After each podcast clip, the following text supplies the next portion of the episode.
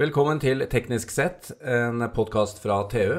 Eh, mitt navn er Jan Moberg, jeg er sjef her i TU. Jeg sitter her med Odd-Rikard Valmot. Hei, Jan. Hei, Odd-Rikard. Odd-Rikard, det er sommer. Det er det, gitt. Ja, det, hva- det har vi merka. Det, det ble varmt i går. Det ble varmt i går. Ja, så nå er det her. Det er jo en viktig del av sommeren dette med å bli vektløs innimellom. Ja, og det Det skal litt til. Ja, det skal litt til for oss, ja. Ja, ja, ja men du får det til med båt og litt stor motor og komme opp i plan og litt sånn. Ja, og når da liksom hopper over bølgene, da, er vi, da flyr vi. Veldig bra. Men, så vi tenkte rett og slett å snakke litt om båt i dag. Og for å få hjelp til det, og for å snakke litt om trendene og hva som skjer i båtmarkedet og modeller og sånn, så har vi fått med oss daglig leder i Nordkapp Boats, Hans Petter Slang. Velkommen, Hans Petter. Takk for det, du. Vi, eh, vi er jo to karer her som, eh, som kjører litt båt om sommeren, men, eh, men vi kjøper ikke ny båt hvert år. Du selger jo nye båter hvert år. Og hva, hva er trendene nå? Hva er, det, hva er det folk vil ha? Hva er det dere lager? Nei, Vi lager jo fritidsbåter fra 17 til 28 fot.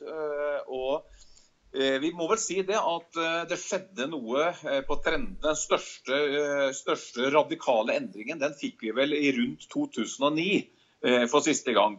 Og siden 2009 så kan vi vel egentlig si at storbåtsalget det har aldri kommet ordentlig i gang igjen etter finanskrisa.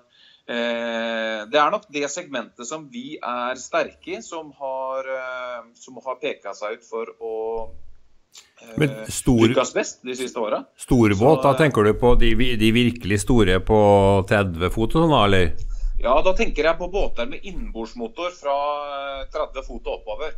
Som var veldig veldig populært da eh, midt på 2000-tallet. Eh, Det var brennhett marked og, og stor omsetning. Det er nesten borte nå, og det har, eh, har vært sånn siden 2009. I dag så er det nok eh, helt klart det er daycruisere med poengsmotor, det er skjærgårdsskiper og bowridere og den type båt som, eh, som dominerer markedet. Men til gjengjeld så kan det se ut som produktutviklingen i det segmentet virkelig har skutt fart. Det er jo nesten nye modeller hvert år nå. Ja, det er nok ikke bare nesten. Det er nok eh, nye modeller hvert år. Og det er helt riktig som du sier. I segmenter som er populære, så gir det også rom for utvikling. Så, eh, sånn er det veldig ofte. Vi ser jo det at poengsmotor påhengsmotor eller eh, outboarder har, har blitt eh, mer og mer vanlig de siste åra, også på litt større båter. Og det presser også fram utvikling på, på motorsida, som eh, vi ser på som veldig hyggelig, selvfølgelig. Hva er, eh, hva er de par største eller mest vesentlige utviklingene nå de siste par årene da, på den, eh, det type modellspekter som eh, folk flest kjøper? Det vi kan trekke fram der, er vel, er vel at design har fått mer betydning enn det det hadde for eh, 10-15 år siden. Folk er mer opptatt av både egenskaper, men ikke minst funksjon og hvordan det ser ut. Eh, Så gamle ting, det selger ikke godt lenger. Akkurat nå skal det være både kult og funksjonelt og se stilig ut og i det hele tatt. Ja, du treffer nok spikeren ganske bra på huet der. Betyr- det skal se men- bra ut, og, og eh, ikke minst, det skal fungere. Men Gamle betyr- ting, altså livssyklusen, den blir bare kortere og kortere. Men betyr det at bruktmarkedet sliter litt da, i forhold til ny, nybåtsalget?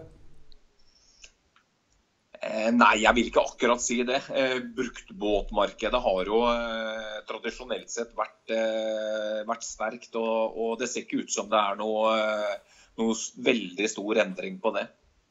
Men bare for å gå litt inn på enkeltdetaljer her. altså Hvis vi tar og begynner med skroget. De, dere har jo da modeller i et spekter fra 17 til 28 fot, som du sier. Det har vært Det er jo den tradisjonelle V-bunnen som er, eh, som er hovedskroget fortsatt. Ja, det, det vil jeg absolutt si. Eh, det er de tradisjonelle prinsippene som er dominerende fortsatt. Men hva med stepp og sånt, da? Det har jo vært mye snakk om dette at eh, for å få ekstra ytelse, så legger du inn et par stepp og trekker luft inn under båten og alt dette her. Ja, det er mye snakk om det. Og vi har jo, har jo produsert båter med stepp sjøl i, i mange mange år. Akkurat nå så har vi ingen båter med stepp, og føler at vi eh, egentlig har lykkes bedre ved å gå tilbake til den tradisjonelle V-skrogen uten stepp. Hvorfor? Nei, det er eh, det er vel mye forskjellig som, eh, som påvirker et skrog. Eh, og ikke minst eh, hvordan det skroget oppfører seg i sjø. Eh, Stepp er veldig positivt for én ting, men så er det som veldig mye annet. Det er ikke bare positivt heller. Det gir oss noen andre elementer som, som kanskje ikke er fullt så positive. og Det er kanskje forutsigbarheten bl.a. I, i skarp sving. Det er kanskje ikke fullt så bra med et steppaskrog som det er vi er vant til med et tradisjonelt vedbåndskrog. Det er vel kanskje den største utfordringen. Ja, og Der er vel litt av poenget at båt, båtspekteret de fleste av de norske leverandørene eh, har fokus på, er jo til allmennbruk. Eh, ja. Men, det er hva, hva, med motorutviklingen? Eh, der, der, har vi jo hatt en, eh, noen år hvor det var veldig firetaktsutvikling. Eh, og så kom det et ny giv i totakteren. Eh, hvordan, hvordan ser dere på det? Nei, På påhengsmotorsida så, si, så syns jeg vel vi kan si at vi har to parallelle eh, produktserier. Eh, vi har firetakteren og vi har totakteren. Eh, begge to har hatt eh, en ganske stor utvikling de siste åra, men eh, da i hver sin retning. Og igjen, det, noen liker det ene og noen liker det andre. Begge teknologiene viser seg å, å være helt, helt klart dugelige. For det var, det var, jo en voldsom overgang til firtakter for 10-15 år siden. Uh, og det var vel nesten bare Evinrude igjen som produserte totaktere, men de holdt seg der. Uh, og nå har de jo klart å få det drivstofforbruket til uh, firetaktsnivå, og allikevel beholde det totakts drevmomentet. Det er helt riktig. Totakt, Det store med fordelen med totakt er jo Eh, motorvekt i seg sjøl. Eh, og tidlige, det store dreiemomentet tidlig i kurva. Eh, på båt som du trenger egentlig mye kraft på lavt urtall for å løfte båten opp av vannet, så blir jo det veldig viktig. Eh, firetakteren den kommer jo med mye kraft, men litt seinere i, i registeret. og Derfor så har jo totakt vært mye brukt. Eh, I dag så har man jo en teknologi som gjør at også totakteren er direkte innsprøyta. Eh, og dermed så har man klart å, eller, eh, å, å, å, mikse brennstoffet på en sånn måte at du får helt optimal forbrenning. Og forbruket har jo gått dramatisk ned i forhold til den gamle teknologien. Som også ble brukt mye i forbindelse med kjøling. Mye bensin ble brukt for å kjøle motor. Men, men, det er vel også et, eh, et, faktum at båter bruker mye bensin. Altså, jeg husker når jeg begynte å kjøre båt, jeg gikk jo tom for bensin hele tida. Fordi jeg, jeg, var vant til bil, ikke sant. Og det, ja. det, var ikke sånn på sjøen. Er ikke det kvadratisk kurve på det en, eksponentiell for, forbruk? Jo da, og derfor er det viktig at den løfter seg opp av vannet. Ja. ja. Alle båter burde jo være hydrofoiler, spør du meg. Ja, det er jo mye tradisjonelt fortsatt, da, Hans Petter. Det er jo poengsmotor i hekken og V-skrog og opp i plan. Er dette trylleformelen for fremtiden også?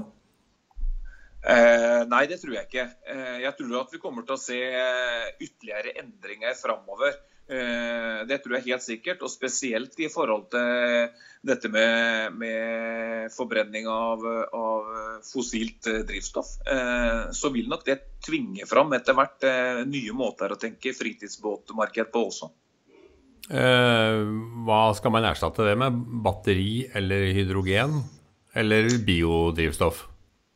Eh, jeg skal vel eh, være forsiktig med å begi meg ut på noen spekulasjoner. Men vi kan vel si det at den teknologien vi har i dag, den er ikke god nok for båt. Den fungerer fint for bil, men for båt så blir det for dårlig. Ja, altså vi har altfor store variabler på båten i forhold til ja. hvis du tenker jeg skal sammenligne dette her med bil. da. Så, så hvis du har to timer Eh, kjøretid på en båt, så er forholdene så uh, uberegnelige på sjø at uh, vi kan jo få både motvind og motstrøm uh, hjemover som gjør at vi fort kan doble kjøretiden. Og, og, det er klart at risikoen for å gå tom for strøm på sjø, den, er, den blir veldig, veldig mye større enn på bil og på, på landjorda. Eh, la oss, eh, Vi er jo også interessert i, i norsk eh, næringsliv og industri her i, her i, Teknisk Ukeblad. Og dette er jo egentlig en stolt um, næringsgren, dette med, med glassfiberbåter i Norge. Eller småbåter, da. Har, vi har jo hatt et hopetall av produsenter. Eh, dere er vel en av de som har holdt ut siden 60-tallet, kanskje i forskjellig type form. Men hvordan er, å, hvordan er, det å, være båtprodusent i Norge i dag? Nei, vi er jo eh, selvfølgelig i en tøff bransje. Vi er i en bransje hvor, eh, med, med store utfordringer, vi. Og vi har mange konkurrenter. Vi har lite norske konkurrenter og lite etter hvert svenske konkurrenter også. Men, men de aller største konkurrentene våre de, de kommer jo fra Sentral-Europa og, og, Finland vi må jo allikevel si det, at vi, eh, vi, føler oss veldig komfortable med den settingen vi har nå. Men produserer dere særlig i Norge? Nei. Vi eh, flytta mesteparten av, av produksjonen vår til eh, Polen allerede i ja, Vi starta i rundt 2000, og så var det en prosess som tok ja, fire år, tenker jeg. Og fra 2004 og fram til nå så har vi produsert i Polen. Og så gjør dere litt sluttmontasje i Norge? Ja, Vi gjør all utvikling her i Norge. så Vi har en teknisk avdeling her i Sarpsborg med fire mann. og eh, Oppgavene her foregår jo da som bindeleddet mellom konstruktør og designer og eh, produksjonsstedet. Så det er en sånn overlapp i forhold til hvem som gjør hvilke oppgaver. Men, eh, men eh, vi har mye teknisk her på, på Nordkapp i Norge også. Ja, for båtproduksjon i, i motsetning til bilproduksjon er jo relativt manuell. Det er, helt riktig. Ja, Og da betyr arbeidstimer veldig mye. Ja, det gjør det. Og antallet er vel relativt lite også i sånn europeisk sammenheng, det er ikke i forhold til bil? Ja, det er eh, ikke sammenlignbart i hele tatt. Men likevel så er det nye modeller hvert år? Likevel så er det mye, mye nye modeller, ja. Eh, det er, det er, eh, hele livsnerva vår, på en måte. Eh, det er å komme med nye modeller og fornye oss og følge utviklingen. Det er vi helt avhengig av å gjøre. For det må ha vært en kjempeendring i forhold til for 10-20 år tilbake, hvor en, en båtmodell kunne vare i noen år? Ja, det er en stor endring. og Det gjør også at risikoen i bransjen blir veldig stor. og Det er nok det som har eh, vært med på å tynne ut bransjen vår veldig. Eh, at kravet til fornying blir så stor og risikoen blir så stor for å ta fram nye modeller tilfelle du bommer. Eh, og, og ta fram en modell som ikke, ikke selger. Så eh, da velger man ikke å, å, ta den risikoen, og så velger man etter hvert å tone ned og avslutte hele produksjonen. Men når, nå, nå, er vi eh, sommeren 2017. Det er sikkert mange nybåteiere nå som kommer til å kose seg i sommer med ny båt fra dere og fra andre. Eh, når begynner dere å planlegge eh, neste eller neste der i en årsmodell? Det begynner vi tidlig med. Eh, vi åpner eh, på en måte vinduet for endringer. Det åpner vi allerede i august. Eh, så jobber vi med endringer på, på modellene fram til omtrent ved nyttår. Og så har vi fortsatt en og en halv måned igjen, altså midt februar, da stenger vi. Og det vil si, Da beslutter vi hvilke endringer som skal komme året etterpå. Så allerede nå så, eh, så starter vi med, med, endringer som kommer på 19 modeller. Akkurat.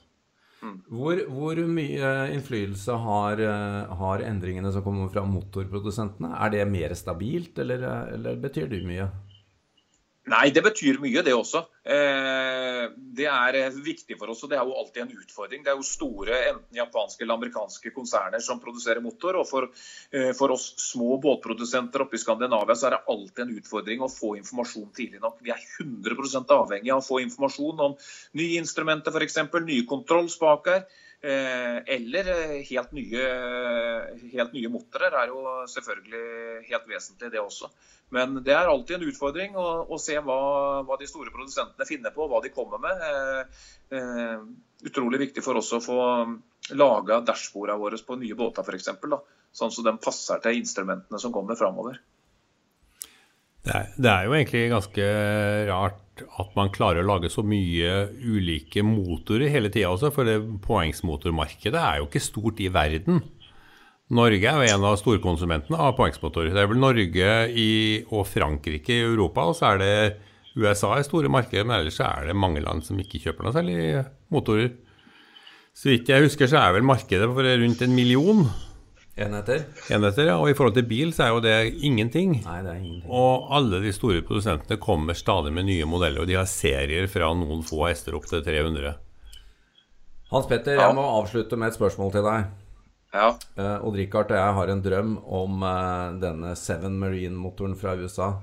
Denne small, Ja. small block 8-sylindera saken på 600 hester. Kan du, kan du lage en sånn båt som vi kan få være med i? Jeg tror vi skal kunne eh, få en båt å plassere den på, det er helt sikkert. Hvis du ordner motoren, så skal nok jeg ordne båten. Da har vi en avtale, Odd-Rikard. Altså, jeg har en 20, 20, 20 fots båt, og jeg tror hvis jeg satte en Seven Marine på den og ga full gass, så ville båten dele seg i to. Men Vi, vi, har bare, vi har bare få år igjen før dette blir ulovlig, ikke sant? Ja, ja, ja. Vi, vi, men uh, takk til deg, Hans Petter. Det var eh, interessant. Vi ønsker en god båtsommer til alle, både deg og lytterne. Takk for at jeg fikk komme.